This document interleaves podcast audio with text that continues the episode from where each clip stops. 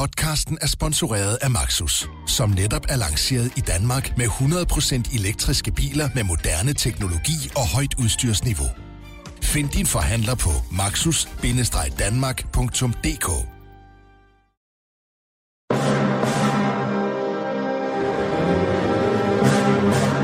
Velkommen til programmet Hitlers Æseløer, et program om bøger om den anden verdenskrig.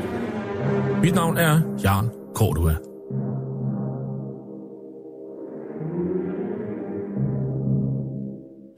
Den anden verdenskrig blev indledt den 1. september 1939 med den nazistiske Tysklands overfald på Polen. Der var tale om en racistisk erobringskrig, der kostede mellem 55 og 70 millioner mennesker livet, og hvor nazisterne systematisk myrdede jøder, romager, slaviske befolkningsgrupper, politiske modstandere og alle andre, der ikke lige passede ind i deres forestillinger om et ensartet folkefællesskab.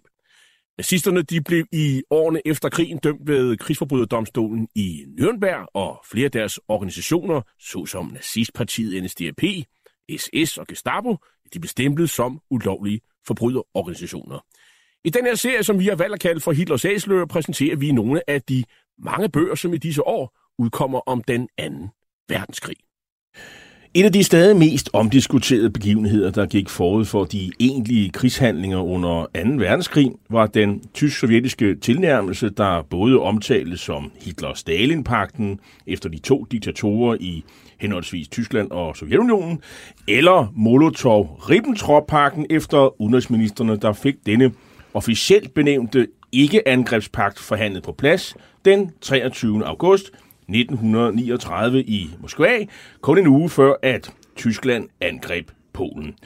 For pakten havde også et hemmeligt tillæg, der reelt opdelte Østeuropa mellem de to lande i såkaldte interessesfære, hvilket konkret viste sig ved en deling af den ellers selvstændige nation, Polen, og de gjorde det mellem sig efter det kommende tyske angreb, mens Sovjetunionen fik frie hænder til at underlægge sig blandt andet de baltiske lande. Aftalen den holdt i et år og 10 måneder, indtil den blev opsagt af Tyskland. Her er det tysk ugerevy, der rapporterer fra en tysk lufthavn, hvor udenrigsminister Ribbentrop drager afsted til Moskva for at underskrive aftalen. Die Reichsregierung und die Sowjetregierung sind übereingekommen, einen Nicht-Angriffspakt miteinander abzuschließen. Der Reichsminister des Äußeren von Ribbentrop begab sich auf dem Luftwege nach Moskau, um die Verhandlungen zum Abschluss zu bringen.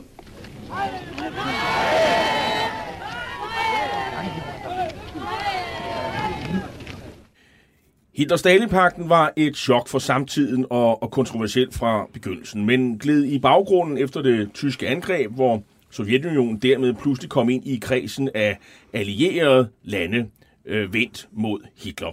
Først efter krigen begyndte især de angelsaksiske historikere at interessere sig for aftalens hemmelige dele, som Sovjetunionen under hele den kolde krig benægtede eksistensen af. Britten Roger Moorhouse er en af de seneste historikere, der har interesseret sig for emnet. I 2015 udkom hans bog, En djævelsk alliance, Hitlers pagt med Stalin 1939-41, på Kristelig Dagblads forlag.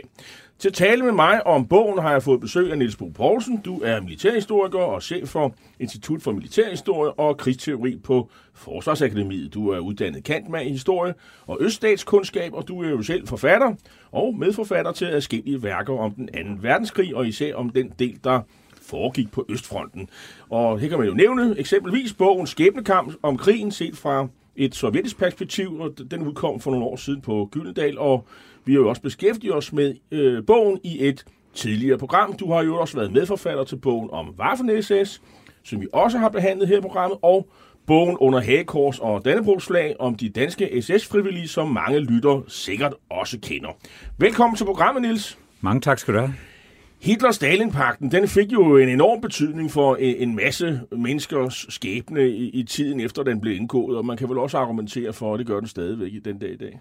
Ja, det har du fuldstændig ret i. Øh, den får jo en øh, virkningshistorie, som er enorm, både fordi den er med til at udløse krigen, øh, men jo også fordi, at den så, øh, kan man sige, den, øhm, øh, de landopnåelser, som Stalin opnår under krigen, de bliver jo ved med at være en del af Sovjetunionen helt frem til Sovjetunionens sammenbrud øh, i 1991.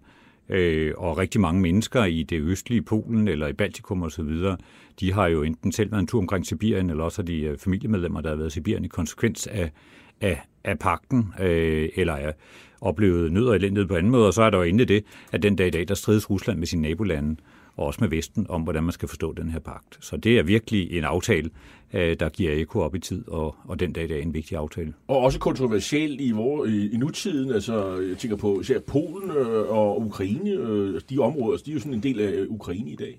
Ja, altså, øh, som du siger, så er den jo simpelthen også kontroversiel, både fordi, at den øh, har de her enorme menneskelige lidelser selvfølgelig, men også fordi Rusland ikke rigtig vil anerkende fuldt ud konsekvenserne af, af, af, af den her pagt. Og lige frem på det seneste, det kan vi komme tilbage til det lidt senere i dag, lige frem på det seneste er begyndt at skyde den anden vej rundt at sige, når i virkeligheden, så var det Polen, der udløste 2. verdenskrig, og øh, øh, den her pagt var nærmest en trivialitet, der ikke betyder noget. Øh, så det er betændt stof. Det er netop kontroversielt stof. Øh, det vil jeg sige, ikke så meget for en historiker nødvendigvis, selvom selvfølgelig vi skal have, have, have mere, at man har ret til at fortolke sådan en pagt i mange retninger, men det er i hvert fald kontroversielt stof i, i storpolitikken og indrigspolitikken i en del lande også. Uh, Murhaus, han kalder sin, uh, sin bog for en djævelsk alliance. Uh, det er vel egentlig meget rammende. Altså, vi har to af histori- historiens mest notoriske uh, forbrydere, uh, nemlig Stalin og Hitler, uh, der, der laver en aftale, en lokumsaftale, kan man sige, uh, som jo virkelig får konsekvenser. Ja, øh, det er... Øh, det, jeg synes, jeg kan godt lide den titel, mm. han har valgt, fordi øh, det er jo ikke en, øh, en, en alliance af typen, at øh, øh, lande med det samme verdensbillede og de samme værdier slutter sig sammen om at forsvare, forsvare noget, man i fællesskab har, har kært, øh, som jo for eksempel gælder NATO i stort omfang. Ikke? Det er jo en alliance, der bygger på et meget stærkt værdifællesskab. Øh. I det her tilfælde, der er det et fornuftægteskab. Det er en pagt, som handler om, at øh, de to lande kan give hinanden rygdækning til at dele Østeuropa op i hinanden i en situation, hvor man øh, øh, hvor man dermed også bliver nødt til ligesom at forbryde sig mod øh, den øh, øh, udenrigs- og indrigspolitik på mange måder, man har ført mange år øh, forud, som jo i Sovjetunionen var en antifascistisk politik, øh, hvor Tyskland blev, blev, blev skammet ud, og den anden vej rundt, øh, Nazi-Tyskland havde jo som sit allermest centrale fine billede jødekommunismen. Man, lytterne kan forhåbentlig høre gåsøjnene her, jødekommunismen i, i, i Sovjetunionen. Så, så det er, et, det er en djævelspagt, ikke? fordi ingen af de to parter stoler på hinanden på en lang bane. Og jødekommunismen, det er fordi, at man i sådan en nazistisk øh, opfattelse mente, at, øh, at jøder og kommunisme, det var sådan mere eller mindre et fedt. Et fedt, ikke? Og, øh, og Moskva hele tiden sad og pyntede på sammen med de her jøder på en verdensrevolution, ikke? Og, og Tyskland gang, var det før, ville være det første offer, I og, så. Og nogle gange fik man blandet kapitalismen sammen i, i, i så det, har man sådan en kæmpe stor gryderet mellem kommunister ja, ja. og jøder og kapitalister på en gang. Sådan er det. Øh, hvad, hvad synes du egentlig om, nu kan jeg godt lide hans titel, mm. øh, hvad, hvad synes du egentlig om uh, Murhavs bog her, som jo fik en del opmærksomhed, da den udkom for fem år siden? Allerførst skal jeg skynde mig ind, øh, udnævne mig til lidt inhabil, fordi jeg også selv har skrevet øh, øh, noget om samme, samme mm. emne, og det er jo selvfølgelig altid sådan lidt svært så at, at, at spørge sig selv, øh, øh, hvordan øh, håndterer en anden forfatter det her, uden man måske tænker, samtidig tænker på, at jeg gjorde det bedre, eller det er irriterende, han har gjort det bedre. Men når det er sagt, så synes jeg faktisk, at på mange måder, så er det rigtig god formidling. Øh, jeg synes, det er en spændende bog. Den er, er, er rammer et øh, udmærket anslag, mellem og, og fortælle sådan en grundfortælling øh, omkring, øh, ikke bare hvorfor pakten bliver indgået, men også hvad konsekvenserne er i den periode, de to år pakten varer. Øh, og, øh, og jeg synes også, at han har meget væsentlige øh, dele af, af pagtens historie med. Øh, der er nok områder, jeg kunne have ønsket mig personligt, at han havde udfoldet lidt mere. Øh, jeg synes, han... Øh, godt kunne dele lidt mere med det økonomiske samarbejde. Jeg synes måske også godt, han kunne have øh, kontekstualiseret den her pagt lidt mere, både rakt lidt tilbage til det tidligere tysk-russiske samarbejde i 20'erne og i 30'erne, men måske også øh, diskuteret, hvor unik er den her pagt egentlig. Mm. Den er, den er øh, fordi vi ser jo, Øh, kort tid efter, der ser vi jo en, en, en pagt, hvis vi skal kalde det det, som jo næsten lige så, meget, lige så djævelsk, nemlig alliancen øh, mellem de vestlige liberale demokratier, først og fremmest Storbritannien og USA, og så Stalins Sovjetunionen i juni 1941, efter nazisterne angreb Sovjetunionen. Og det er jo også et fornuftægteskab. Og det er jo også en pagt, hvor begge parter er nødt til at bøje af på rigtig meget, for ligesom at få det bragt ind. Og der synes jeg måske, at der isolerer han den her aftale, øh, det her, den her forståelse mellem de to regimer, det nazistiske og det kommunistiske, der isolerer han det lidt for meget fra, fra, fra storpolitikens grundlæggende væsen, som er, at man er nødt til at nogle gange indgå aftaler med dem, man ikke bryder sig om, for ligesom at få tingene til at lide.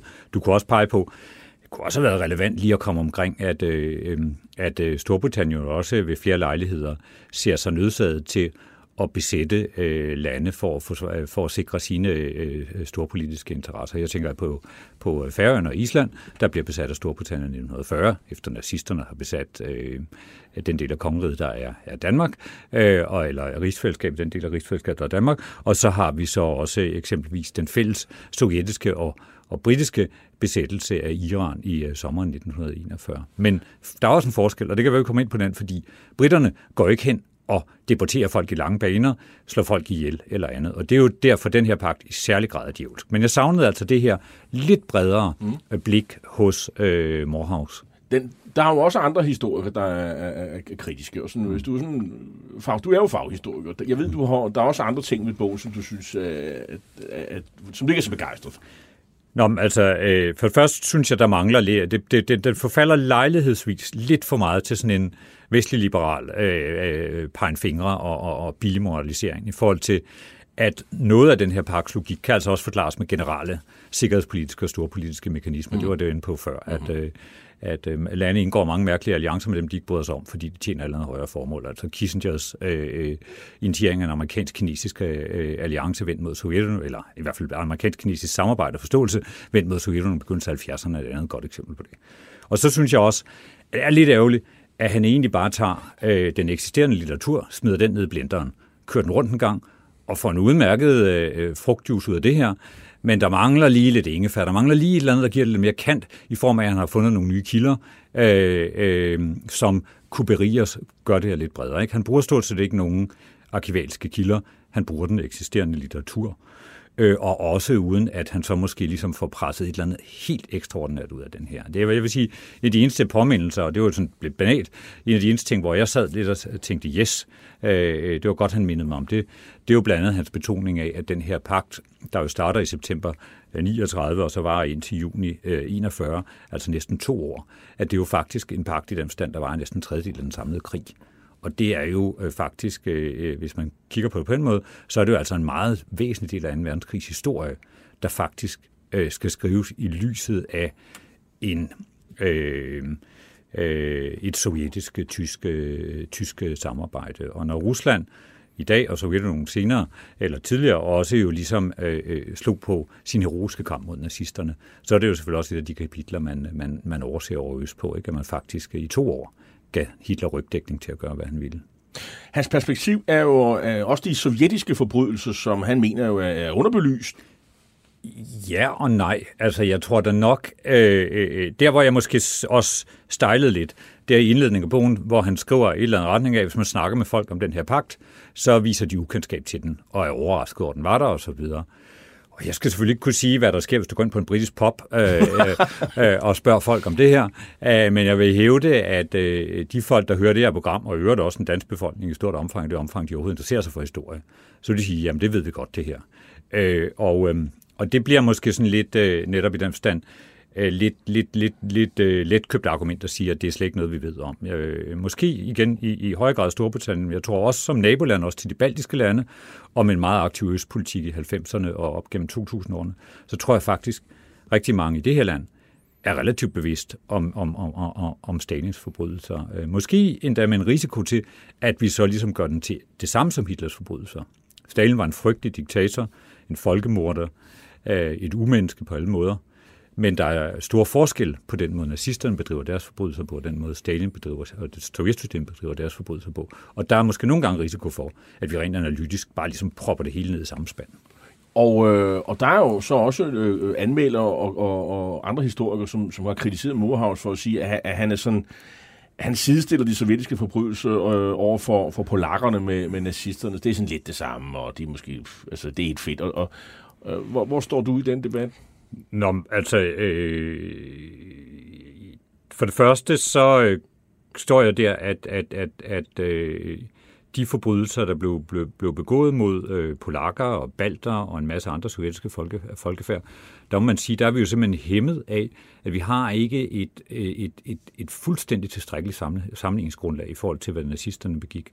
Fordi Nazi-Tyskland blev besejret i 1945. Mm. Øhm, Sidsterne havde i øvrigt været relativt gode byråkrater. Øh, tag for eksempel drabskommandoen over på Østfronten. De sender jo øh, lojalt øh, månedsrapporter ind, hvor de sådan, øh, som om det var en, en underafdeling, en større koncern, øh, redegør fint for, om de har nået den måneds plantal og så videre på, hvor mange mennesker de dræber. Øh, øh, så det, det bliver jo åbenbart for verden, da Tyskland bliver rendt over inde i 45. Man finder alle de her dokumenter. Man kan afhøre vidner ved Nürnberg.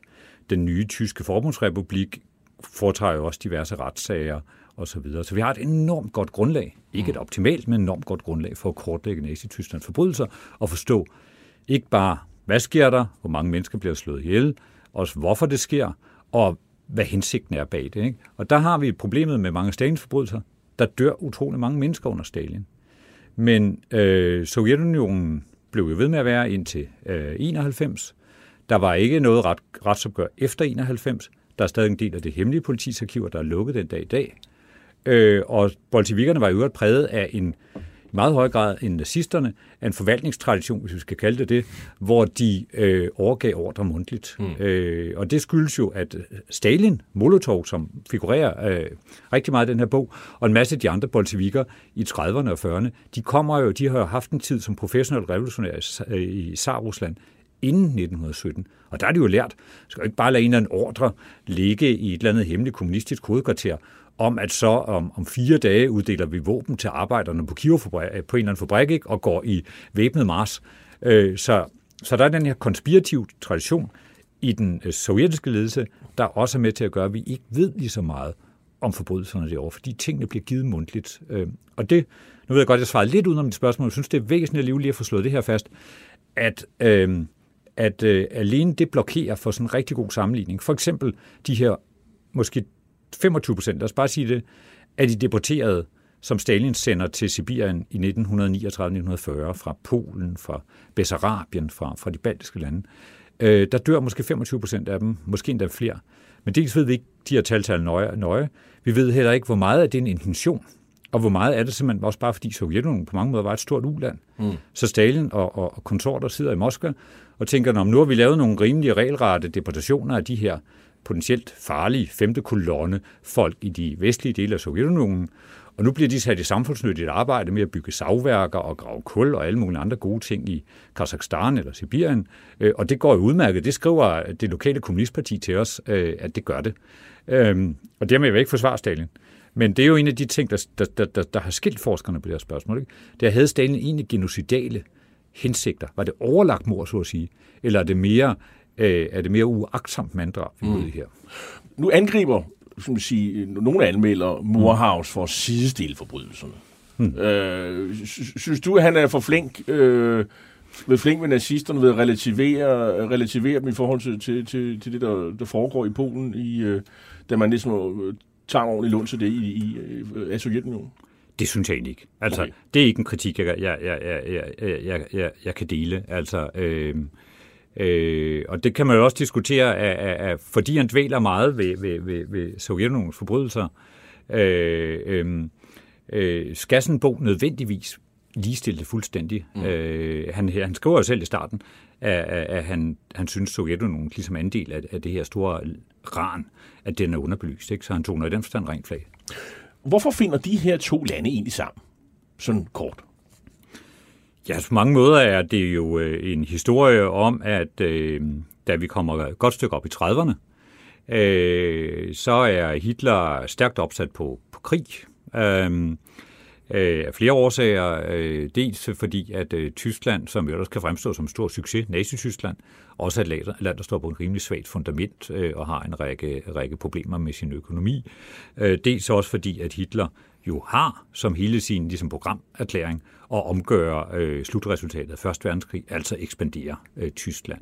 I 1938 holder han en tale øh, til en gruppe øh, værnemagtsofficerer, øh, som er nedfældet såkaldte Hosbach Memorandum, en kilde, øh, som, hvor, øh, som er, er, er kan man sige, øh, øh, øh, i et vidnesbyrd om Hitlers strategiske tænkning. Og har erklærer han, at det haster sådan set lidt med en krig, fordi Tyskland har oprustet massivt allerede fra det tidspunkt, han kom til magten, men en række af vestmagterne, først frem Storbritannien, de begyndte lidt senere med deres oprustning. Så, så i øjeblikket er der ligesom et vindue, kan man sige, hvor hvis tyskerne slår til nu, så, øh, så har de de mest moderne våbensystemer, og måske også den økonomi, der er mest gearet til krigstilstand. Hvis de venter længere, så vil de her økonomiske problemer, de har, begynder at bide dem i haserne, samtidig med, at de så risikerer for eksempel britterne introducerer nye våbensystemer, der måske er den tyske overlegn osv. Så Hitler er altså interesseret i en krig. Han var ikke interesseret i en stor krig.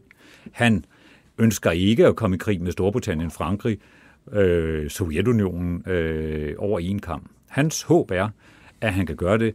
Han har gjort også, da han øh, året før øh, indlemmede øh, Tjekoslovakiet, nemlig at han kan true sig til sine resultater, og hvis ikke han kan til sine resultater, så en hurtig krig, og så til forhandlingsbordet med, med de magter, han eventuelt er kommet i krig med. Så hans plan for Polen, det var altså invadere Polen, snuppe det meget hurtigt, forhåbentlig vil britter og franskmænd lade det være med nogle protester, nogle tomme protester, og hvis ikke, øh, hvis ikke så, så kan det forhåbentlig gå sådan, at når han er Europa det land på kort tid, så kan man få en eller anden fredslutning med britterne og franskmændene. Men til det bruger han jo så brug for Rusland, altså Sovjetunionen. Hvis ikke, hvis ikke han opnår en forståelse med Sovjetunionen, så risikerer han at ind i en tofrontskrig, ligesom i Første Verdenskrig. Så han skal handle, han, han, han indser hurtigt, at han skal handle Stalin af i virkeligheden? Ja, og, øhm, og der, der, der, der kommer vi så over på den anden side, så at sige, af forhandlingsbordet. Fordi hvad er Stalins interesse mm. af det her? Øhm, og øh, Stalins interesse er vel sådan set også ganske, ganske åbenbar, øh, øh, nemlig at øh, Stalin også øh, for det første øh, frygter for en krig med, med Hitler, og har en eller anden forestilling øh, øh, om, at vestmagterne de konstant sådan ligesom lurer på at sende Hitler østover øh, og, og, og, og lade ham angribe. En slags der, deres magnetdukke på en eller anden ja, måde? Ja, det kan man godt kalde det. Ikke? Øh, og det er der ikke meget øh, øh, i kilderne, der tyder på. Øh, men det er ligesom Stalin og de andre ledende kommunisters forestilling om, at, øh, at, øh, at der er en... Øh, at, at, at, at vestmagterne de sådan set gerne vil have, have Hitler til at angribe Stalin. Den anden ting er så, at Sovjetunionen gennem den her forståelse med Hitler-Tyskland kan jo opnå at få øh, indlemmet meget store dele af øh, det gamle Tsar-Rusland. For ligesom Tyskland øh, er et meget mindre land, end det var øh, før Første Verdenskrig, så er det nye Sovjetunionen også meget mindre land, end Tsar-Rusland var før Første Verdenskrig. Og øh, Stalins gevinst med den her aftale, det bliver altså en eller anden form for forståelse med Hitler, der mindsker, kan man sige, på den korte bane i hvert fald risikoen for en krig mellem de to lande, og så at han får en ret stor territorial gevinst i form af de baltiske lande, det østlige Polen og en del af, af Rumænien, Bessarabien og så et øh, område i Finland. Så det er altså to øh, imperialistiske magter, kan man, kan man roligt sige her. Hvordan foregår sådan alt det, det, det praktiske med underskrivelsen? Fordi, og hvordan forhandler man? Fordi øh, så Hitler og Stalin, jamen de, de møder jo aldrig hinanden. Øh, de taler vel aldrig engang. De taler ikke engang i telefon sammen. Mm. jeg tænker også, der er måske nogle sproglige problemer. Jeg erindrer ikke at huske, at hverken Stalin eller, eller Hitler talte særlig meget fremmedsprog. Stalin har jo været i Østrig, så han har nok talt noget tysk, men, men ellers så, så var det ikke deres, skal man sige spidskompetence. Nej, man har svært ved ligesom at forestille sig ikke sådan en samtale mellem de to mænd, både, både, både fordi de var meget forskellige væsener, og fordi det formentlig også ville have, have ødelagt begges øh, prestige på mange måder, hvis de skulle for eksempel optrådt på et foto eller lignende, mm. ikke? og så, så som, som du siger, også det rent sproglige. Øhm, men, øh, men, men, men i virkeligheden kan vi skelne mellem, øh, mellem flere forskellige både led i processen, og også flere forskellige greb, der fører frem til øh, selve den her øh, aftale. Altså det starter i virkeligheden allerede øhm, øh, øh, øh, godt øh, næsten et år før øh, i forbindelse med øh, den øh, krise over øh, den såkaldte sudeterkrise, hvor nazisterne øh, indlemmer øh, en del af Tjekoslovakiet, overvejende tysk befolket del af Tjekoslovakiet, og det har de ligesom fået vestmagternes velsignelse til øh, øh, at gøre. Og der har været nogle konsultationer mellem vestmagterne, tjekkerne og polakkerne og, og Sovjetunionen om, hvorvidt man skulle sige nej til Hitler her. Og hvor Sovjetunionen så har sagt, at en af, en af de ting, vi ligesom skal have for at, at deltage i en øh, og, øh, i at sige nej til Hitler, øh, det er, at vi skal have indmars af, af, af mulighed for sovjetiske tropper gennem Polen for at kunne understøtte Tjekoslovakiet. Det var ligesom vejen til Tjekoslovakiet. Det, det, det melder man pas på for vestmagterne, og derefter kører der stadigvæk nogle sådan lidt øh, noget øh, kølige forhandlinger mellem vestmagterne, øh, altså Frankrig og Storbritannien, og så Stalin omkring en mulig, øh, øh, et muligt samarbejde mod Hitler. Men det bliver... Øh, Øh, øh, men Stalin gør en række træk. Blandt andet udskifter han sin udenrigsminister øh, fra den, skal vi sige, lidt mere vestvendte og øvrigt også jødiske øh, udenrigsminister øh, øh Lidonov, og så til en, en, øh, øh, en ny mand, øh, Molotov, som er øh, øh, øh, som ligesom har en anden profil. Og det er sådan et signal til Berlin om, nu, øh, nu kan det være, at vi kan komme overens. Et andet signal er en, en tale, der også bliver holdt i foråret 1939, hvor der bliver talt om fra sovjetisk side, at man, skal, man kommer ikke til at rave kastanjen ud af ilden for vestmagterne. Så der bliver ligesom gjort en lille smule, kan man sige, forsigtige flørt i forhold til, ty- til Tyskland. Og for alvor kommer de her forhandlinger så op i gear, faktisk umiddelbart før krigen brød ud i september 1900, øh, 1939. Det er faktisk først de sidste 10 dage før det her krigsudbrud, at vi ser de regulære forhandlinger mellem Sovjetunionen og, og Tyskland. Og de finder jo altså sted i Moskva, hvor Molotov, nej undskyld, øh, Ribbentrop, den øh, tyske nazistiske udenrigsminister, flyver til. Hvad, hvad indeholder sådan en aftale? Fordi, øh, som jeg allerede indledningsvis har, har, har sagt, så, så er der jo sådan en, en formel aftale, som vi alle sammen kan, øh, som verden kan, kan læse med på, og så er der en, øh, en hemmelig aftale, og begge aftaler er jo øh, optrykt i bogen. Og, og, og, og den formelle aftale, hvad går den ud på? Det kunne vi jo starte med. Hvad? Nå, den formelle aftale er egentlig en relativt kortfattet ikke-angrebspagt, mm. øh, og, øh, øh, og den er så ledsaget af en handelsaftale også, som mm. ligesom er, er, er, kan man sige, øh, både alvorligt ment i den forstand, den giver begge lande nogle, nogle, nogle økonomiske incitamenter til at... Øh, øh, øh, til det her venskab, de nu indgår, eller hvad vi skal kalde det. Øh, men den er også meget bekvemt stafage for, at man nu, nu har mødtes og så videre. Øh, det, der så er nede under disse to øh, aftaler, den her relativt kortfattede øh, øh, øh ikke-angrebspagt og så øh, øh, handelsaftalen, det er så en, øh, øh en forståelse eller en opdeling af Østeuropa i interessesfære, hvor, hvor man simpelthen gennemdiskuterer, øh, øh, hvad for nogle øh, øh, navngivende lande øh, øh, skal, skal, skal være de to lande, ligesom have som sin interesse. Slår man simpelthen stregerne på kortet øh, fuldstændig? Øh, altså, øh... det, det er lidt senere. Der, I, det er som, ja. ligesom en, en, en karikatur i virkeligheden. Ja, ja, altså særligt hvis vi lige tager, tager, tager tager et lidt senere dokument med, fordi øh, vi har et lidt senere dokument fra, øh, øh, fra øh, det øh, tyske feltog for, mod Polen er overstået, hvor man simpelthen tager et landkort, og så tegner man en decideret streg øh, øh over, hvad for nogle områder de to øh, systemer får, og så er der ellers øh, Molotov og Ribbentovs signatur på den her, det her kort. Men, men på det her tidspunkt, der, der er det et lidt andet kort, der, der, der, der, der, der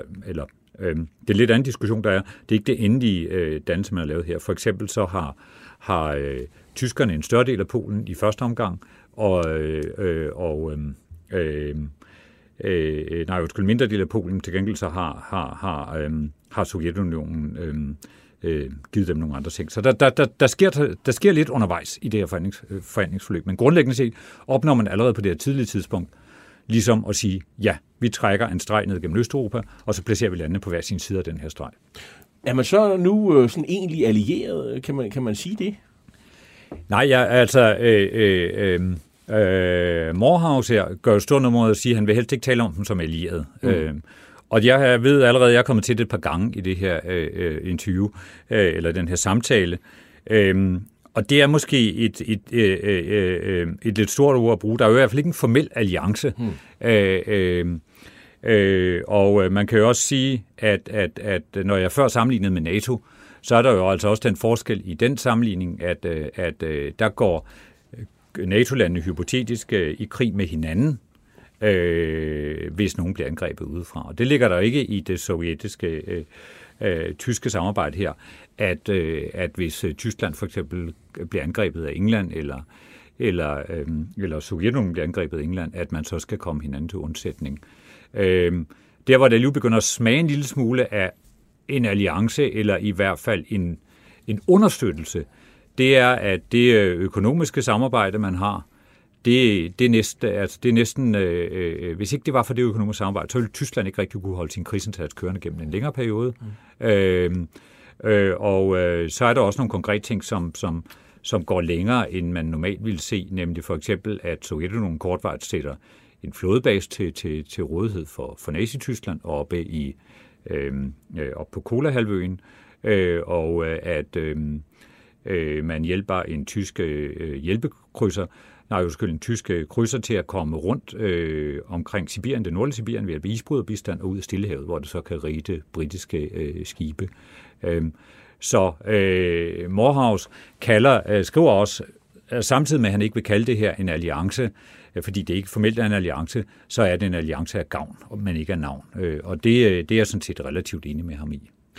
Som vi efterhånden ved, så 1. 1. september øh, 39, der, der går krigen formelt i gang, øh, og øh, Tyskland angriber Polen, og, øh, og så ruller de, de tyske arméer sådan set øh, hen over Polen. Hvad, hvad, hvad gør den røde her på den anden side af, af den polsk-sovjetiske øh, grænse? Står de stille, eller hvor lang tid går der, før de også begynder at, at, at rykke ind i, øh, i, i som sige, godseøjne deres område af Polen? Der går et par uger. Altså, øh, vi skal hen til, øh, vi skal hen til, hvis jeg husker datoen helt forkert, den 17. september, inden den øh, sovjetiske øh, krigsmaskine sætter i gang ind i det østlige Polen. Og det er altså godt og vel 14 dage efter Hitlers øh, overfald på Polen. Øh, det er der flere, flere grunde til, at der går lidt tid her. Øh, en, øh, en årsag er formentlig, at Sovjetunionen også har gang i nogle kampe øh, i det yderste af, af Mongoliet, en sovjetisk lydstat, mod øh, japanske styrker. Og der vil man gerne lige være sikker på udfaldet i de her, den her uerklærede grænsekrig, inden man, øh, man ligesom begynder at gabe over for, for meget. Men er andre svog engageret? Præcis. Øh, og øh, øh, så øh, er der også meget, der tyder på, at det kommer bag på, øh, på Sovjetunionen, hvor stærkt det egentlig går. At mm. øh, det lykkedes de tyske soldater så hurtigt at nedkæmpe på, på lakkerne. Det er jo ikke, polske her er ikke nødvendigvis nær så moderne, eller den er ikke nær så moderne som den tyske her, men det er stadig en relativt stærk her. Og man har måske også forestillet sig, at der vil være større tyske styrker, der vil komme til at stå bundet vestover mod den øh, fransk-tyske grænse. Men her forholder franskmændene og det britiske ekspeditionsstyrke, der så kommer, de forholder sig fuldstændig passiv. Det vil sige, at tyskerne kan ligesom kæmpe alene mod Polen. Og det gør også, at det går stærkt for, for tyskerne, og de nærmer sig, da Sovjetunionen rykker ind, der nærmer tyskerne sig de områder, som Sovjetunionen ligesom skal have øh, under den her øh, opdeling i interessefære. Og et sidste punkt, der måske lige skal med os i den forbindelse, det er jo så, at øh, det er jo mest opportunt for Sovjetunionen først lige, ligesom at gå i, i, i um, ind i Manesien, når det er, er, er klart for alverden, at Polen er, er meget på hælene, og det er Polen på det tidspunkt. For så kan Sovjetunionen simpelthen sige, når vi gør alene det her for at beskytte de stakkels hviderussere og ukrainere, øh, der, der, som der bor ganske mange af i de østligste dele af Polen. Så det kan vendes om til at være sådan en slags humanitær beskyttelsesaktion, og ikke en regelret aggression. Herrene, de mødes i, øh, i Brest, der, der blev en af de her grænsebyer. Brest har sådan en, øh, der er den gamle Brest-Litovske aftale fra, jeg tror det er fra 1919, øh, øh, eller 1918 er det vist nok, øh, mellem, mellem, mellem det kejserlige Tyskland og så, og så den nye sovjetmagt. Øh, Altså, altså det, den, det, den spiller en, en vis rolle, kan man sige. Det er også der, de holder alle mulige ceremonier og, og, og sådan, øh, gør en del ud af, at, øh, at man nu ligesom, øh, og ikke er, er allieret, så har man i hvert fald en alliance. Ja, altså øh, det er jo en af de mere, kan man sige, øh, øh, øh øh, visuelt kulørte sider af, af 2. verdenskrig, at der jo simpelthen eksisterer en række fotos, blandt andet af en fælles tysk-sovjetisk sejrsparade gennem den her øh, øh, by, som også øh, tilbage i tid var, var en, øh, en, øh, en zaristisk øh, grænseby, øh, og som i øvrigt under 2. verdenskrig så senere kommer til at spille en rolle i den sovjetiske mytologi, fordi den bliver øh, genstand for nogle meget hæftige kampe i sommeren 1941, når, når Hitler angriber Sovjetunionen. Men, men tilbage til hovedsporet her. Øh, altså, byen i sig selv øh, øh, er jo ikke andet end den ligger ved en flod og et, og et, et trafikknudepunkt. Så er den jo ikke vigtigere end en række andre byer. Altså man kunne selvfølgelig også have, have, have valgt andre steder, på, på, på, øh, hvor de to styrker mødes til, til, til parader osv. Men her, der har vi altså jo blandet også det faktum, at Heinz Guderian, en af de mest tyske, berømte tyske generaler efterfølgende, at han, øh, han er involveret i den her parade. Og, øh, og vi har også en række erindringer, som, som Morhaus bruger dygtigt. Så det bliver sådan lidt, kan man sige, Øh, det bliver på mange måder symbolet på de her to øh, landes, øh, at de ikke bare ligesom øh, er rykket frem mod hinanden, og så øh, træder lidt tilbage i afsky, hvis jeg må sige det på en måde, men at de faktisk går helt ind i en egentlig omfavnelse af hinanden. Og det, øh, som vi snakkede om før, så er det jo altså også klart, at hvis man kigger på alle detaljerne i det samarbejde, der optræder de næste par år, øh, så er der tale om mere end en rent klinisk øh, forestilling. Altså, de går ind og understøtter hinanden, Sovjetunionen og Nazi-Tyskland på mange måder, og det kan man godt sige, at den her parade på sæt og vis også er et symbol på. Hvad er det for nogle forbrydelser, tyskerne øh, foretager mod civilbefolkningen, og især den, øh, den polske intelligensia? Øh, altså, det, det går jo sådan rimelig hurtigt, øh, og meget, altså mål, de er jo meget målrettet efter, hvad det er, tyskerne vil nu øh, med det område, de har erobret på. Ja. ja. Og det er jo, øh, hvis jeg må, må tillade mig så lige at vende tilbage til et af dine spørgsmål fra tidligere, nemlig om problemerne med Morehouse, så er det jo også der, hvor, man, hvor nogen til, selvfølgelig kan være en lille smule irriteret på den måde, han gør det på. Fordi Morehouse siger jo, at begge de to lande, de vil omdanne det område, de, øh, de har øh, indlemmet. Stalin vil lave en social øh, omdannelse af det, og Hitler vil lave en racemæssig omdannelse af det. Og, øh, Øh, øh, og i den forstand er, sker der jo kæmpe store øh, forandringer øh, i begge, øh, begge områder. Men nazisterne har alligevel, alligevel dem, der har de mest radikale planer, det må man sige, for hvad det er, de vil gøre. Fordi de går simpelthen ud fra, at en stor del af den polske intelligens øh, altså den polske, kan man sige, overklasse, den polske dannede klasse, de skal udryddes, fysisk udryddes. Øh, og øh, øh, der bruger man jo de her dødspatruljer, som senere rykker ind i Sovjetunionen, Einsatzkommandoer for første gang, til at pågribe mange af de her øh, øh, øh, polske øh, borgere, og henrette dem. Øh, og det bliver ganske systematisk, og der, der er ikke lagt skjul på det. Det er øh, Heydrich har samlet. Øh, øh, Heydrich, som er, er Himmlers øh, øh, næstkommanderende, når det gælder, gælder, gælder hemmelige politianlæggende osv. Øh, han har simpelthen samlet øh, de her mænd, der skal gennemføre de her drabsaktioner, inden tyskerne rykker ind i Polen, og erklæret livet for dem, at der skal myrdes i tusinder øh, af, af, af mennesker. Og det kommer også til at ske. Øh, øh, vi snakker måske om 10.000 øh, øh, mennesker, der falder som offer for det her. Primært etniske polakker, men også andre grupper. Og sideløbende hermed, så lader tyskerne jo altså også op til en generel eliminering af de polske jøder. Øh, øh, og i hvert fald en fjernelse af de polske jøder fra store dele af, af, af det polske territorium. Fordi planerne er jo altså også, at store dele af det polske territorium, det skal blive tysk, fuldt ud tysk, befolkes med tyskere. Og derfor skal polakkerne, del af polakkerne fordrives, og dem, der er tilbage, de skal være landarbejdere.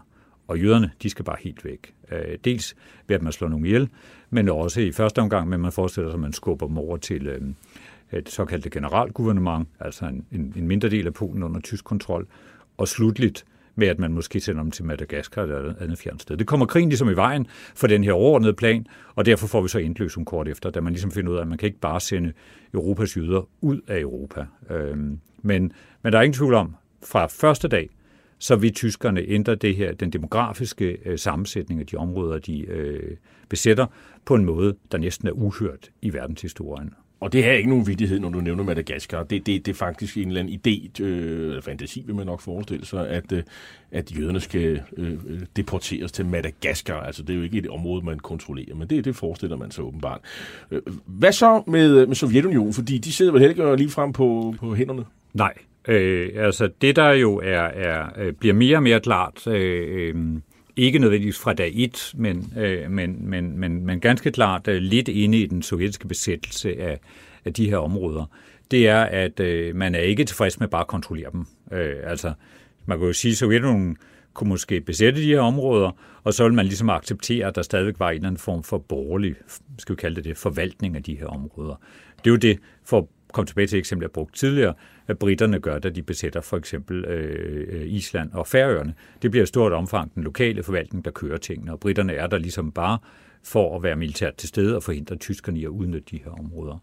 Men der går man jo meget videre i, i, i de områder, Stalin øh, indlemmer. Det bliver også her, øh, fjerner man øh, stort set hele den eksisterende elite. Øh, Øh, og lige præcis i forhold til Polen sker det jo også i betydelig grad med systematiske drabsaktioner. Øh, 22.000 polske, primært officerer, men også for en dels vedkommende embedsmænd, bliver henrettet på tre lokaliteter, hvor den mest kendte er Katyn. Øh, og derudover så er der masse deportationer til øh, Sibirien og til Centralasien af folk, man også ligesom siger, at de er på en eller anden måde politisk øh, og socialt uvederhæftige. Og det skal altså ses i en sådan marxistisk terminologi. Vi skal jo lige huske, måske særligt yngre lyttere af det her program på, at Sovjetunionen var jo opbygget som et kommunistisk land, der mente, at man øh, at hvis man var, var fabriksejer eksempelvis, eller bankmand, eller, øh, øh, eller godsejer, at så var man øh, tilhørte man en, en, en udbytterklasse, som skulle fjernes, øh, øh, måske ved fysisk eliminering, eller simpelthen bare ved, at man blev fængslet eller deporteret. Og det sker altså i stort omfang i de her områder. Mohaus, Mohaus nævner et eksempel, hvor han, hvor han siger, at han kalder dem for Belorutski, eller det, det kaldte man den overklasse, du beskrev, det vil sige ja, det er vel folk, der ejede noget ejendom, eller, eller ligesom ikke var en del af arbejderklassen. Dem med de hvide handsker, de hed mm. Belaruski, og det vil sige, de røg på en, øh, en, en, en vogn til Sibirien. Nu skal vi høre et, et lydklip fra tv-serien Matador, øh, hvor grisehandler Olof Larsen har bestilt et nyt foto, der skal øh, ud og hænge i hans samling på lokummet øh, ude i gården. Posten skulle have 3 kroner for det der på efterkrav. Nå, der har vi ham. Hvad har du med pressens illustrationsbyrå at gøre? Jeg har bestilt ham her i forstørrelse. Man kan lige frem se, hvordan han sidder og griner i skægget over den der ikke-angrebspagt. Altså, så nu skal du altså ud og hænge sammen med de nye ven Hitler og de andre psykopater. Ja, øh, krisehandleren, han har jo øh, læst avisen, og øh, der står jo noget om en ikke-angrebspagt. Øh, men jeg sidder og spekulerer på, øh, omverdenen har vel fornemmet, øh, før krigshandlingerne øh, begynder, der øh, en uge efter, at der var et eller andet i gære. Der var et eller andet, man ikke fik at vide. Øh, eller hvad? Altså, hvad? Øh, man var vel ikke så naiv, Niels, Niels Bo Ja, øh, altså, lad os, i, i almindelighed kommer det her faktisk som chok, den her nye sovjetisk-tyske forståelse. Øh, Selvfølgelig er der nogle overtyrer, selvfølgelig bliver der snakket lidt om det osv., men, men, men grundlæggende er de her to lande, der har kastet så meget mudder på hinanden op gennem øh, 1930'erne, at de kan komme overens. Det, er, øh, det må man øh, sige, at det udløser i stort omfang øh, øh, overraskelse ja, hele vejen rundt. Hele vejen også, rundt. Også hos blandt ja, tyskernes ja. allierede, og, og ja. de omfang Sovjetunionen har nogle allierede. Ja, altså Sovjetunionen har jo i hvert fald en vigtig gruppe allierede, nemlig alle de kommunister, der er i, i, i udlandet. Og det er jo en ikke fåtalig gruppe, øh, og en meget øh, velorganiseret og veldisciplineret gruppe. Øh, øh, den såkaldte Komintern, altså det sovjetiske internationale, kontrollerede i stort og småt øh, øh, de udenlandske kommunisters øh, udtalelser og udsagn. Øh, der var ikke meget pluralisme her. Ikke? Så det, man har stillet, man har altså indtil øh, øh, øh Indtil øh, 23. august 1939, der har man stået som kommunist i Danmark for eksempel og prædiket Folkefront, som var sådan en slags, øh, kan man sige, samling af alle øh, øh liberale og demokratiske kommunistiske kræfter mod fascismen. Og nu skal man så få dage senere skifte kurs og sige, at i virkeligheden dem, der udløser den her krig, øh, og, og skaber den her krig, det er, er, det er de britiske og de franske øh, kapitalister, og Tyskland og, og Sovjetunionen har fælles interesser. Ja, man kan vel i, i vist omfang sige, at det her, den her antifascisme i i meget høj grad har været en, som sige, en, en, en, en medvirkende til at drive folk ind i kommunistpartiet, i kommunistisk arbejde. De havde måske ikke købt øh, 100% Marx og Engels idéer, men antifascismen, det kunne man abonnere på, og hvor var antifascismen stærkest? Det var i, i, i blandt kommunister. Ja, og også blandt en række andre grupper, ikke? I den forstand, at, at at øh, fascisternes fremmars i Europa, øh, selvfølgelig allermest tydeligt i Italien og i, i, i Tyskland, men jo også gennem den spanske borgerkrig, øh, den fremmars, den ser mange helt almindelige demokratisk sindede mennesker selvfølgelig på med stor bekymring. Og øh, den spanske borgerkrig, hvor, hvor nær Sovjetunionen går ind og understøtter den, den, øh, folkevalg, folkevalgte, eller den, den, øh, den folkevalgte regering i, i, øh, i, øh, i Spanien mod et øh, fascistisk øh, øh, oprør ledet af general Franco, den begivenhed, den er også med til at få nogen til at se med, med sympati øh, på kommunisternes sag. Dem, der så har øjne at se med, de kan så også se, hvor meget kommunisterne i Spanien, de udrenser andre kræfter, socialister, anarkister og almindelige liberale osv. Øh, men ikke desto mindre, når vi kommer frem til det her tidspunkt, så er der en, en, et, et sådan kan man sige, en vis forståelse, særligt i sådan nogle lidt øh, pH-lampe præget kredse, hvis vi skal sige det på den måde, øh, for at Sovjetunionen er sådan en progressiv kraft, en antifascistisk kraft osv. Ikke? Og det bliver så væltet over ende med den her begivenhed. Men øh, man siger, Tyskland ender jo meget hurtigt over i, i kassen. Det, man, Storbritannien og Frankrig erklærer jo krig, øh, fordi man jo har angrebet Polen. Men hvad sker der med, med, med, med, med, med Sovjetunionen? Altså, hvor ender de henne? De bliver vel også i et eller andet omfang paria, mere end de nogensinde har været. efter det, efter en aftale med, med Hitler. Ja, og det gør de, og jo særligt øh, øh, øh via den måde, at man indkasserer de, øh, øh Øh, de gevinster, der så at sige ligger på den østlige side af spilbordet, altså de lande, som Sovjetunionen øh, tager i kølvandet på det her øh, samarbejde. Fordi, som vi var inde på før, så sker der jo en massiv samfundsmæssig omdannelse i, i de her lande, og der er folk, der flygter fra og kan fortælle om de overgreb, som Sovjetunionen laver fra dag et. Endnu vigtigere er nok en anden begivenhed, som også er en del af Stalins ligesom øh, høsten gevinsten, nemlig det angreb, der finder sted på Finland i øh, november 1939. Øh, fordi det, øh, det er det helt uprovokerede angreb, øh, og Finlands heroiske kamp, øh, og imponerende dygtige kamp mod Sovjetunionen, er nok det, der mest af alt diskrediterer Sovjetunionen i mange vestlige liberale demokratier. Nu har man jo så fundet den her aftale, og, øh, og man kan sige, at krigshandlingerne de stopper, og øh, så står de jo over for hinanden. Og, øh, og en af de her ting, som man jo øh, kan, kan betragte, det er jo, at man, man bytter befolkninger. Altså, det er deportationen. Polakkerne, øh, som er i den sovjetiske del af Polen, ja, de ryger til Polen. Og, øh, og så er det jo også det her med, at man oppe i Baltikum, der har der jo boet tyskere siden øh, middelalderen, og de får øh, meget kort tid til at pakke kufferterne, så, øh, så skal de til øh, den nu besatte del af Polen, det der hedder Varteland. Og der skal de sådan om, omplantes, om man så må sige. Øh, og øh, det er jo heller ikke helt ukontroversielt.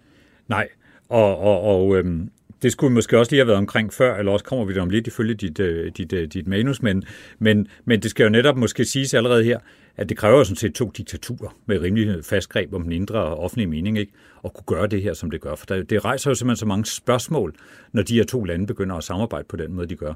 Herunder hos alle de her tyskere, der bor i de baltiske lande, som du var inde på før, som nu ligesom bliver tvunget til at forlade deres hjemlande og skulle rejse til, til, til Tyskland. De er jo ingen lunde glade for det her.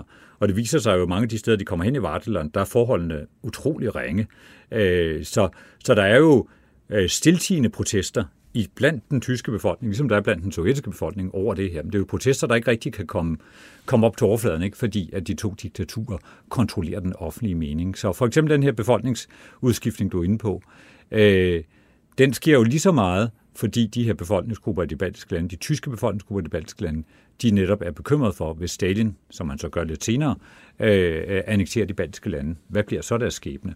Og derfor får vi så også to udrejsebølger. Vi får en, der starter Øh, øh, allerede her i efteråret 39, og så får vi en ny udrejsebølge, da Sovjetunionen i sommeren 40 har indlemmet de baltiske lande, hvor, hvor de tyskere, der ikke rejste i første omgang, de rejser så nu.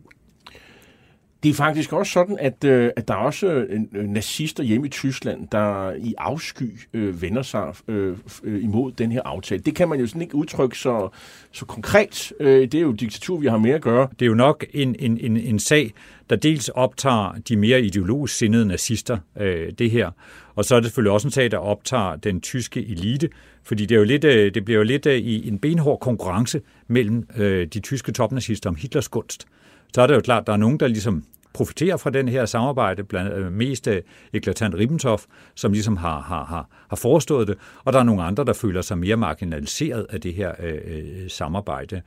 Men Hitlers egen popularitet ser ud til at, at, at, at leve fint, og det skyldes jo altså også, at andet lige giver samarbejdet øh, Nazi-Tyskland enorme gevinster. Det tillader først Europa Polen, og derpå vender man sig mod vest, og laver det her lynfelttog, øh, som lykkes over al forventning i sommeren 1940.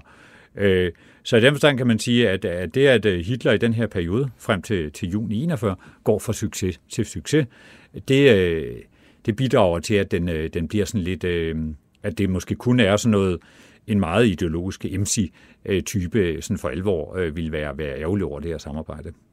Der er også tale om en økonomisk aftale, og mm. øh, det gør han jo også øh, noget ved, men, men, men måske ikke nok. Hvilken betydning får den øh, om nogen? Altså, er det, man udveksler vel varer? Det er jo meget sådan en... Øh, en udveksling, hvor, hvor Sovjetunionen kommer med råvarerne, og så øh, de sådan mere øh, avancerede tekniske produkter, de ryger ligesom den anden vej. Ja, og i dem stand minder det her samarbejde, vi nu ser, minder det jo lidt om det samarbejde, som man har haft øh, rustningsøkonomisk øh, i 20'erne og begyndelsen af 1930'erne. Masse ting, som det øh, Tyskland ikke i, i konsekvens af Versailles-traktaten ikke måtte lave militært. For eksempel have luftvåben, have giftgas, have kampvogne. Og der laver man samarbejde med Sovjetunionen om, at tyske officerer kommer til Sovjetunionen, og så arbejder man i Sovjetunionen med nogle typisk tyskproducerede prototyper af våben, og så øver man i fællesskab med nogle af de her våben osv. Sovjetunionen får en teknologitransfer på den måde, og Nazi-Tyskland får ligesom, uh, undskyld ikke Nazi-Tyskland, det, det er Weimar-Tyskland, uh, Reichswehr, får et sted, de kan øve nogle af de her ting. Og lidt den her samme arbejdsdeling, som du var inde på, kan man sige gør sig gældende nu igen, i det, jeg skal, vi skal understrege, det er et økonomisk og ikke militært samarbejde, vi snakker om lige nu. Altså, at Tyskland får en øh, masse råvarer, som er meget vigtige, og særligt skal vi også understrege, at de får en hel del forsyninger af olie og drivmidler, og de får også ganske mange forsyninger af fødevarer. Så Tyskland får meget af det, som Tyskland ikke selv besidder, ikke selv kan producere. Og vi skal jo tænke på, at på det her tidspunkt, altså fra 39, da krigen bryder ud, og frem efter, så har Tyskland, er Tyskland afskåret fra verdenshavene.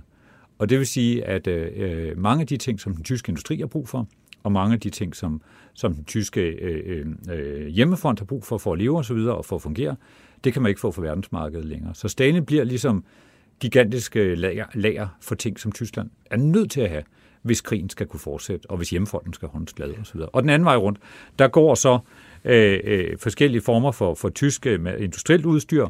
Der går en tysk øh, krydser, svær krydser, lomslagskib, øh, øh, og der går øh, en række andre ydelser den anden vej, kreditter osv.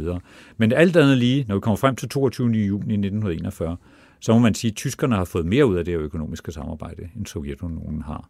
Øh, de har været, øh, øh, de har været i stand til ligesom at, at, at opnå de fleste øh, øh, fordele af det.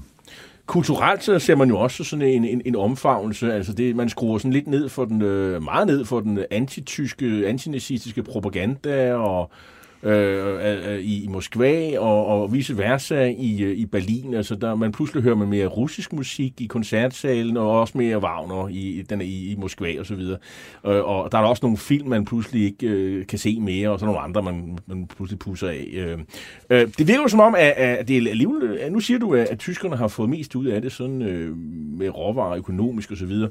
Øh, men, øh, men Stalin virker jo sådan set meget glad for, for aftalen i, i Mohavns beskrivelse. Alligevel så er det også ham, der ligesom skaber besværligheder for tyskerne undervejs. Der er, altså, der er nogle områder, han heller vil have, og han, så begynder han jo pludselig også at blande sig i Rumænien og, øh, og, og nuppe nogle områder der. Øh, og, og, og der har tyskerne jo med tiden jo nu allieret. Ja, og det er jo... Øh, øh, i den forstand er der jo en, øh, øh, kunne man være frisk at sige, en udløbsdato på den her aftale, øh, eller den her, øh, det her samarbejde fra starten af, fordi øh, øh, de to øh, lande øh, stoler ikke ubetinget på hinanden på noget tidspunkt. Og de er jo også øh, låst fast i stort omfang i, at, øh, at det er de samme områder, man, man interesserer sig for. Når Sovjetunionen rykker ind i Bessarabien, som er en øh, del af det østligste Rumænien, så kommer de så pludselig øh, meget tæt på øh, de store rumænske oliefelter i Pløsti, lidt nord for øh, Bukarest. Øh, og øh, øh, sammen med, med nogle oliefelter i øh, Østrig, øh, Øh, og, og, og, og lidt i, i Ungarn, så er det næsten Tysklands øh, eneste øh, umiddelbare energireserver, øh, eller eneste, en, den eneste energi, Tyskland nemt ligesom kan, kan udnytte. Så det gør Hitler rigtig bekymret.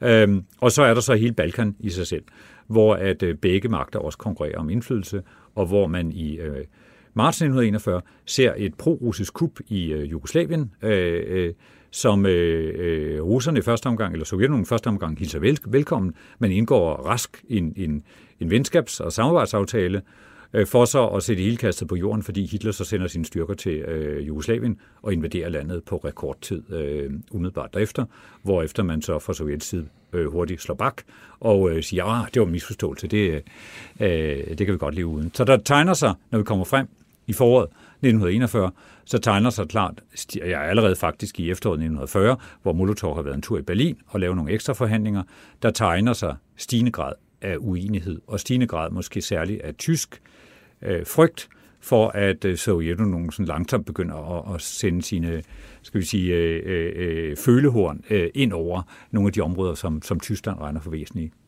De områder, som, han, som Stalin så tager øh, fat på, det er så øh, Bessarabien, som vi lige har talt om før, og det, så er det selvfølgelig også de, de baltiske lande. Og det, og det er jo sådan en, en, en sovjetisering, som, som, som kommer øh, nok senere hen øh, i, i 1940, øh, øh, og, øh, og det er, der udskiftede man, som du siger, hele systemet.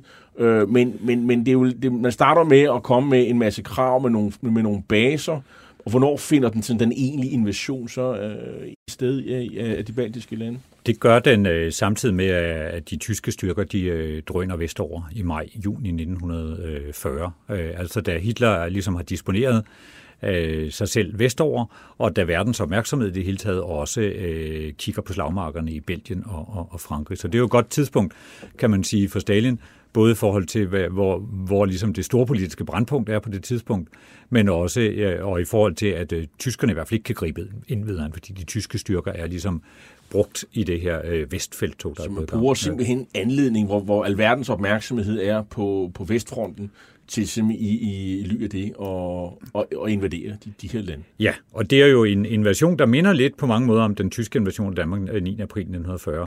Øh, fraset det forhold, at tyskernes invasion øh, 9. april 1940 jo har et ganske kort aftræk, mm. og også øh, jo starter med at være øh, præget af kamphandlinger i Sønderjylland øh, og, øh, øh, øh, og en luftkamp over Værlø, øh, ved Værløse øh.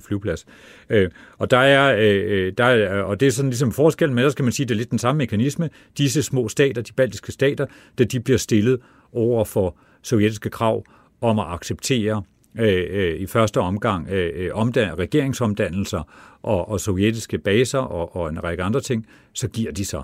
Øh, og det gør de jo ud fra den fornuftige og, og, og må man sige, rimelig erkendelse af, at de kan ikke kæmpe mod den sovjetiske overmagt. Øh, så får vi så nogle folkeafstemninger, der skal legitimere det hele, ligesom vi måske også havde fået Danmark, hvis man forestiller sig, at Hitler i sommeren 1940, efter han havde vundet over Frankrig og Storbritannien, havde sagt, nu gør vi lige Danmark til endnu en øh, region i det nye Stortyskland, eller noget i den retning der.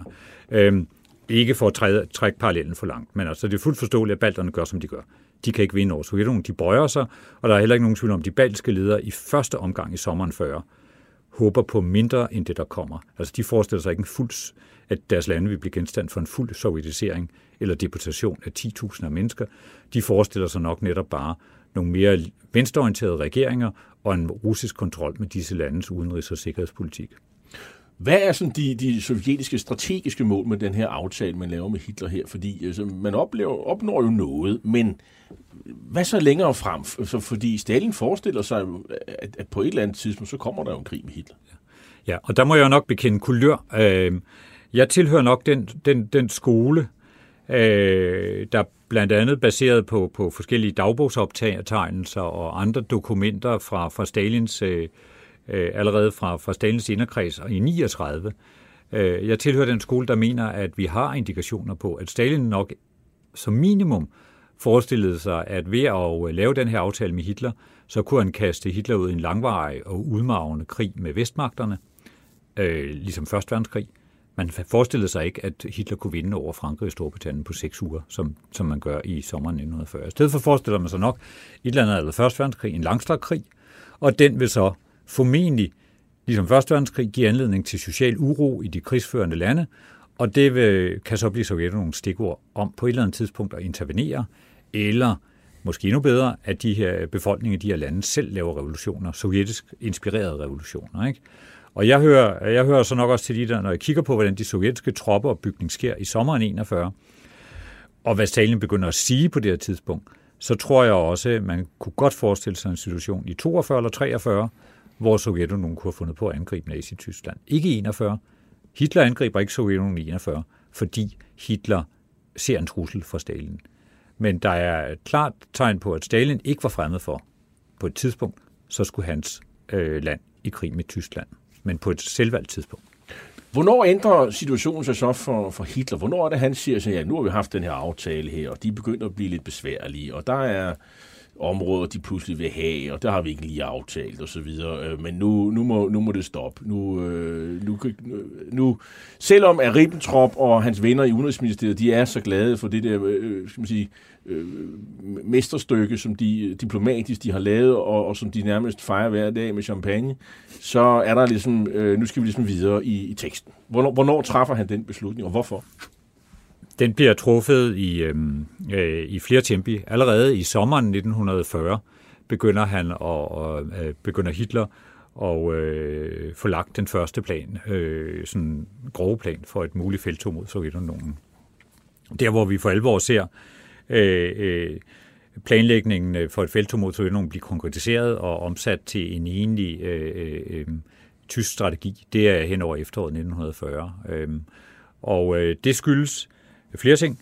Øh, man kan for det første pege på, at øh, øh, det er jo sådan set altid indgået lidt i Hitlers øh, overordnede øh, ideologiske visioner, at man Tyskland skulle ekspandere østpå og have et øh, Lebensraum øh, østpå. Øh, Øh, det, øh, og, og set i den sammenhæng, der er Hitler jo nok også lidt bekymret for, at øh, alle de her fødevarer og energi og alt muligt andet, man får fra Sovjetunionen, dem får man jo på Stalins nåde. En eller anden dag kan det jo være, at Stalin holder op med at sende alle de her ting. Så det vil være rart ligesom selv at kontrollere for eksempel Ukraine, der producerer brødkorn og alle mulige andre ting. Øh, altså have det her Lebensraum på. Den anden årsag, og nok øh, også ganske væsentlig årsag, det er, at øh, man jo netop ikke har vundet krigen i Vest. Godt nok har man løbet Frankrig over ende øh, i øh, maj, juni 1940, men man har ikke fået britterne, der sidder ude på Lø, til at sige, godt så, vi stopper krigen, vi laver en fred, selvom Tyskland har sendt flere fred, øh, fredsfølere ud. Og øh, det bekymrer Hitler. Det bekymrer måske også Hitler, at på en lang bane kunne USA, der allerede understøtter britterne på en række områder, måske også blande sig i krigen. Så måden til at få britterne til at indse det fuldstændig nyttesløse i at sidde derude på den her lille ø og ikke øh, ville indgå en forståelse med Nazi-Tyskland, det er at øh, angribe Sovjetunionen, som man forestiller sig fra tysk side er umådeligt svagt militært. Og det baserer man blandt andet på, øh, på vinterkrigen med Finland, som er gået så dårligt for Sovjetunionen. Så hvis man angriber Sovjetunionen og besejrer dem i et kort feltog, så fratager man med Hitlers øh, udtryk Storbritannien det fastlandssvær. Altså britterne en en illusion om, at hvis britterne bare holder ud længe nok, så kommer Stalin og Hitler nok i kamp, og det bliver begges undergang. Men hvis Tyskland slår først og overvinder Sovjetunionen, så har man ligesom også på en eller anden måde løst den, den gordiske knude med, at britterne ikke vil, vil komme til forhandlingsbordet. Men det ender jo selvfølgelig med et, øh, med et tysk angreb på Sovjetunionen den, øh, den 22. juni 1941, og det lyder sådan her i den tyske propaganda. Das Reichsministerium für Volksaufklärung und Propaganda. Reichsminister Dr. Goebbels verließ die Proklamation des Führers. Sie enthüllt zum ersten Mal vor der ganzen Welt die Verschwörung zwischen London und Moskau gegen Deutschland. Der Führer zieht nach monatelangem Schweigen nunmehr in zwölfter Stunde die noch einzig mögliche Konsequenz mit den Worten Ich habe mich entschlossen, das Schicksal und die Zukunft des Deutschen Reiches wieder in die Hand unserer Soldaten zu legen.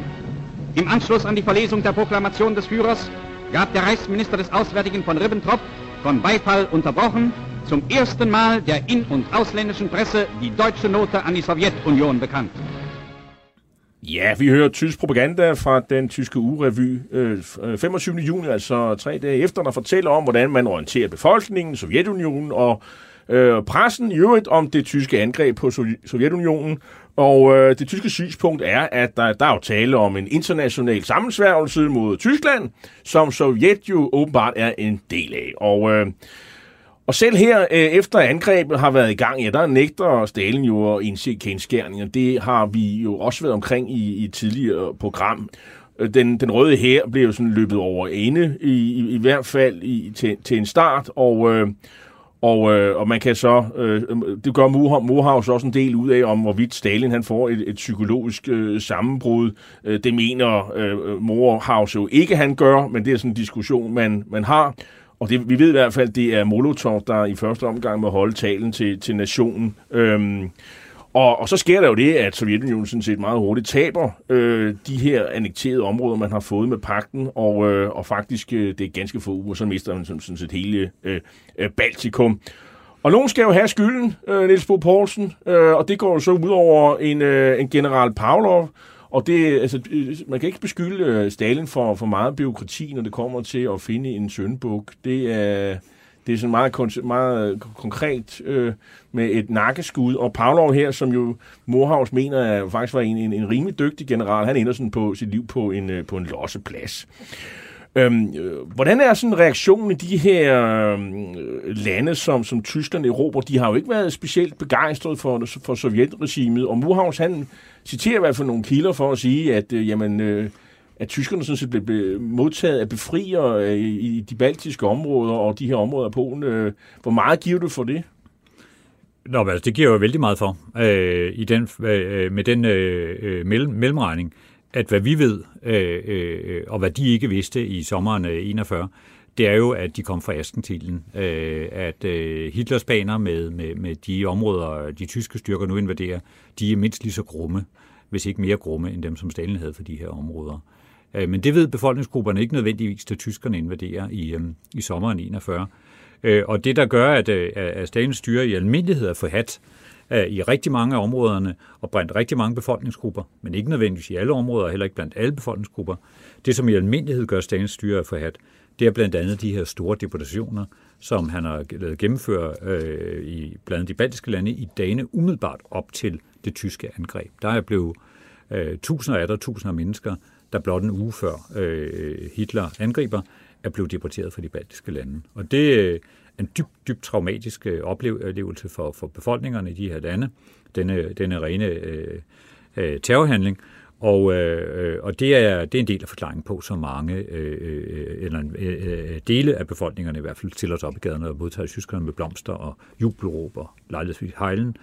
Det skal også med, at der selvfølgelig er grupper, der er dybt bekymrede over den nye tyske indmars, for eksempel sovjetiske jøder, og med fuld, fuldt med rette, for de er jo øh, fra dag et øh, udset til, øh, til henrettelse af tyskerne efterhånden, som de rykker frem. Og faktisk beskriver Murhaus også øh, blandt andet med nogle øh, eksempler fra Letland, at øh, civilbefolkningen de går simpelthen øh, løs på lokale jøder og, og gør, giver dem skylden for, at, at, at det, som de forbinder med en, en undertrykkende sovjetmagt, altså nu skal jøderne have øh, skylden, for, for, fordi øh, at de forbinder det med, med, med, med den undertrykkelse, som Sovjetunionen havde, havde, havde udsat på civilbefolkningen ja. for.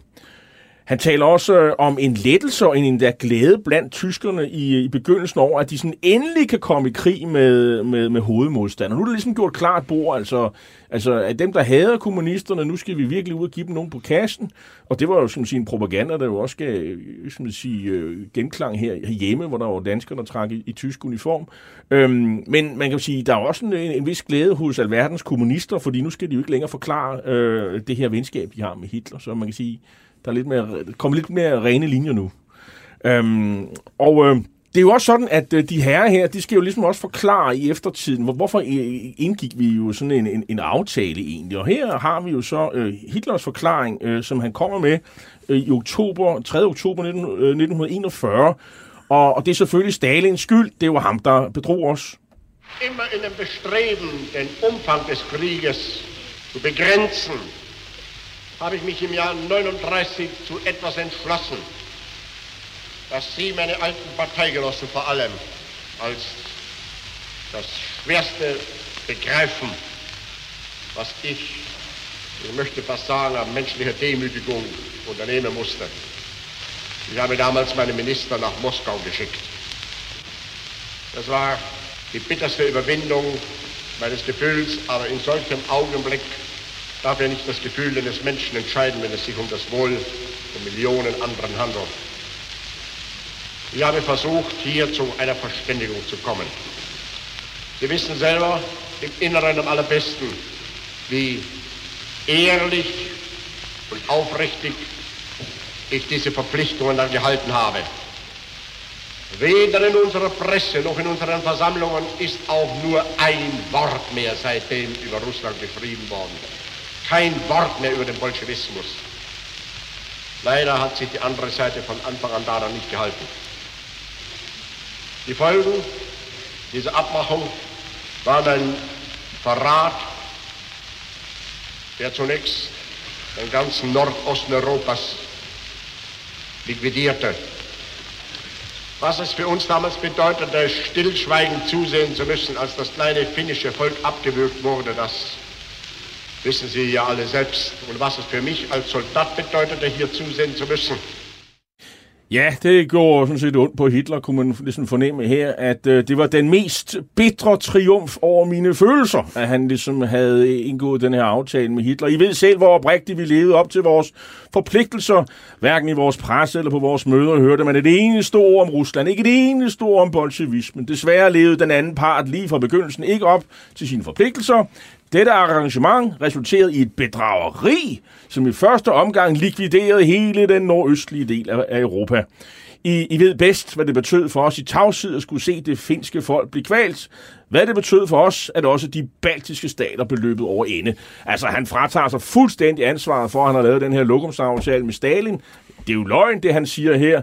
Og øh, man kan sige, men det er han jo ikke enig om, fordi øh, i fremover vil Stalin og Molotov, som indgår aftalen, han, Molotov bliver jo tusse gammel og dør først i 1986, og, øh, og til det sidste benægter han jo, at øh, der nogensinde har været en aftale, Niels Bo Poulsen. Ja, og det er jo øh, den øh, for Sovjetunionen rigtig vanskelige af af det her, øh, det her foretagende. At Tyskland, øh, Nazi-Tyskland går jo under i 45, Hitler er død, vi får Nürnberg osv., og så er der ligesom ikke nogen længere i Tyskland, der behøver at forsvare det her øh, samarbejde. Men, men Sovjetunionen lever, som du siger, videre, og Molotov øh, bliver, bliver, bliver voldsomt gammel.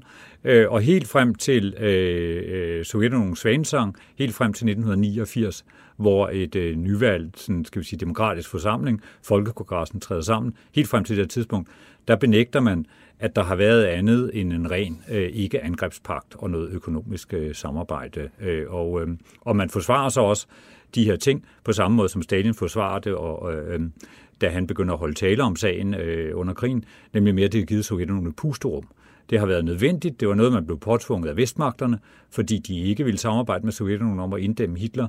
Og når det nu, øh, og når det nu var sådan, så gav det det mindste Sovjetunionen pusterum, og det gav Sovjetunionen strategisk dybde, man ikke havde før. Nemlig, at man fik ligesom lidt mere plads vestpå til at kæmpe med de her nazister. Og i den forstand bliver det gradvist også omskrevet til, at man sådan set hele tiden vidste, at Hitler ville angribe. Og, det, øh, og at man bare ligesom øh, havde nødt til at købe sig tid, øh, og man selvfølgelig ikke ønskede at blive bragt i en situation af vestmagterne, hvor at øh, man, øh, man, blev, blev, man ikke stod i en, øh, i en krig med en koalition. Øh, så på en måde bliver det omskrevet, og vi skal altså frem til, til, til 89, før man fra side indrømmer, at der var hemmelige tillægsprotokoller, og der var også tale om en opdeling af Østeuropa interessesfære. Den or- originale tillægsprotokol, hvor, hvor eksisterer den? Hvorfra ved vi egentlig, at, øh, hvor kender vi ordlyden fra tillægsprotokollen? Altså, den øh, ligger i, øh, hvis ikke jeg husker fejl, nu fanger du mig en lille smule på det forkerte ben, øh, øh, øh, men hvis ikke jeg husker fejl, så ligger den i det russiske præsidentarkiv, som er et sådan særligt øh, højniveau-arkiv i Moskva, som er der, hvor at øh, generalsekretærerne før Rusland fik en præsident, ligesom havde deres vigtigste papirer. Øh, det er der, vi kender den fra. Så kender vi også en lille smule til pakten, og, øh, og de her hemmelige tillægsprotokoller for mundtlig udsagn, blandt andet i forbindelse med Nürnberg, øh, øh retssagen efter 2. verdenskrig, hvor det jo så i alt øvrigt ellers var Sovjetunionens øh, øh, øh strategi at, at tige den her pagt ihjel og prøve at få drejet samtalen hen på noget andet hver gang, den ligesom fra tysk side blev bragt op. Fordi fra tysk side var man selvfølgelig interesseret i at bringe det her op i forbindelse med Nürnberg-domstolen, simpelthen fordi det ville jo vise, at Tyskland var ikke enudløser af 2. verdenskrig, som var en af anklagerne mod Tyskland, nemlig aggressioner. Øh, Sovjetunionen havde været med til det. Men hvad så med i, i dag? Fordi øh, det er jo længe siden, og, og 2. verdenskrig øh, spiller jo en meget stor rolle for Vladimir Putin, øh, Ruslands nuværende leder. Øh, så hvordan, hvordan, hvordan passer det ind i, i, i hans ligesom sige, øh, koreografi og fortælling om, om, om det hele imod Rusland? Jamen, der er den jo lidt ubekvem, øh, den her, øh, øh den her øh, baggrundsaftale og øh, også øh, det samarbejde, der finder sted øh, fra, fra 39 til 41. Og han er på mange måder svinget tilbage til den gamle sovjetiske fortælling, efter der op igennem 90'ernes Rusland var en mere, øh, kan man sige, åben øh, Øh, øh, fortælling om, om, om, om det her samarbejde og en erkendelse af, at Rusland måske også på nogle punkter havde en medskyld i 2. verdenskrig. Nu er Putin på det seneste svinget så meget over, så han ligefrem sagde her øh, tilbage i øh, sidste år ved årsskiftet, øh, altså for et år siden, at øh, i virkeligheden så havde Polen i stort omfang været med til at udløse 2. verdenskrig, fordi Polen havde, ifølge Putin, øh, fuldt ud delt øh, tysk, øh, Tysklands antisemitiske politik, øh, og Polen havde selv øh, jo blandt andet via en lille lande, landindlemmelse en del af, af Tjekoslovakiet i 1938, så havde Polen været lige så meget aggressor, som, som Hitler-Tyskland var. Så, så i Putins nuværende fortælling, så starter 2. verdenskrig, den starter ikke med Stalin og Hitlers samarbejde i 1939, den starter med München-aftalen i 38, hvor Tjekoslovakiet bliver, bliver, bliver delvist øh, sønderlemmet øh, gennem øh, det, vi talte om i starten af programmet, nemlig den tyske indlemmelse af Sudeterlandet. Og på den måde klarer, kan man sige, Putins øh, fortælling, der er det i virkeligheden ikke Sovjetunionen, der er en aggressornation. Der er det det samarbejde, der var, eller den, den, den møde, der var op til München-aftalen i 38, der er krigsudløsende. Og således kan man sige, at øh, den her djævelske alliance, Hitlers pagt med, med, med Stalin, øh, den diskussion øh, vil, vil for, som så meget andet i, øh, i historien fortsætte nærmest i, i mange år frem. Tusind tak øh, til dig, Niels Bo Poulsen, fordi du var øh, med os, øh, med mig her i dag. Du er militærhistoriker og forfatter til en lang række bøger, og vi talte om den britiske historiker Roger Moorhouses bog En djævelsk alliance, Hitlers pagt med Stalin 1939-41, der er udkommet på Kristelig Dagbladets forlag. Hitlers Æsler er slut for i dag. I teknikken sad Josefine M. Hansen, og jeg hedder Jarl Kort, og er vært og tilrettelægger programmet. Du kan genhøre dette program og de andre programmer i serien via berlingske.dk-podcast og podcasttjenesten Podimo.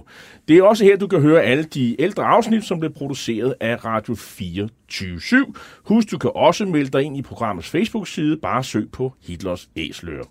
Vi slutter lidt lystigt med jødisk musik fra det omtalte omstridte område Bessarabien, et land, som i dag er splittet op i, i flere lande, men det meste af det ligger i dag i republikken Moldova. Det gik også hårdt ud over den jødiske befolkning, som boede i det her land, men vi kan jo mindst dem med denne hyldestsang på jiddisch til deres hjemstavn Bessarabien. Tak for i dag. Du kender mir, du kender Kalle, du har ich mir mein schöne Kalle. Bessarabie ist mein Heimat. und da fühl ich sich bequem. In Wiesing der um Rumäne, Bagläsel Wein Arena, er trinkt sich und er singt sich auch da so. Doch belebt mein Gift in Fein in Bessarabien. In de trinkt mein Gift in Wein in Bessarabien.